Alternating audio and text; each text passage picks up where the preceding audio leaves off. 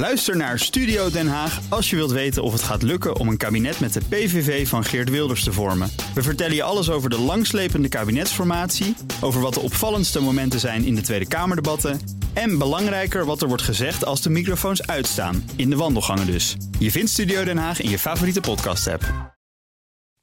De column van Bernard Hammelburg.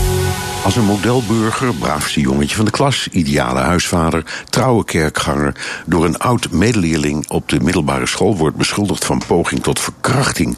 En die modelburger ontkent in alle toonaarden wie heeft er dan gelijk.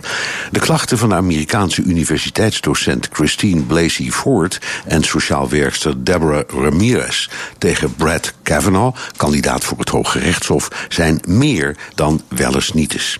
Ford was 15. Kavanaugh 17. Ford raakte hevig getraumatiseerd en onderging therapie. Kavanaugh weet van niks. Teenagers die op hetzelfde feest waren, kunnen zich het voorval niet herinneren, wat begrijpelijk is, want de meeste tieners waren dronken. Deze week getuigt ze waarschijnlijk voor de Senaatscommissie van Justitie, die over de nominatie van Kavanaugh moet stemmen. Ze weigerde dat te doen zonder advocaten, want de commissie bestaat uitsluitend uit oudere, in meerderheid republikeinse mannen. Ze wil niet belachelijk of verdacht worden gemaakt. Maar bewijzen kan ze niets, evenmin als die andere klaagster Deborah Ramirez. Bewijzen kunnen ze niets, evenmin als Kavanaugh. Het is het allergrootste probleem in dit soort zaken. Of je ze nu MeToo noemt of niet. Het is een universeel probleem. In de jaren negentig kwamen, eerst in Amerika, later in Europa... veel vrouwen naar voren die in hun jeugd waren verkracht door hun vader. De verdrongen herinneringen kwamen tijdens psychotherapie naar boven. De gevolgen waren enorm. Na enige tijd verklaarde een aantal van de vrouwen zich bij nader inzien te hebben vergist en te zijn beïnvloed door verkeerde en leidende vragen van de therapeuten. De kwestie van het false memory syndrome werd een tijdje lang wereldnieuws. De tragedie was dat de beschuldigingen weliswaar voor een aantal vaders niet klopten, maar voor anderen natuurlijk wel, want incest is een nog steeds onderschat probleem. Hoe kom je achter de waarheid? Wat doe je met het ene woord tegen het andere?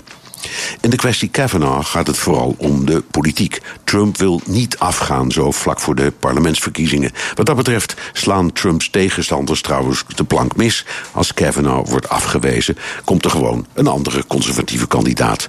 Maar dat in zo'n ernstige kwestie, en dat is het, de waarheid naar boven komt, is van universeel belang de klagers liegen of Kavanaugh liegt. Zoals bij vrijwel alle seksuele misdrijven.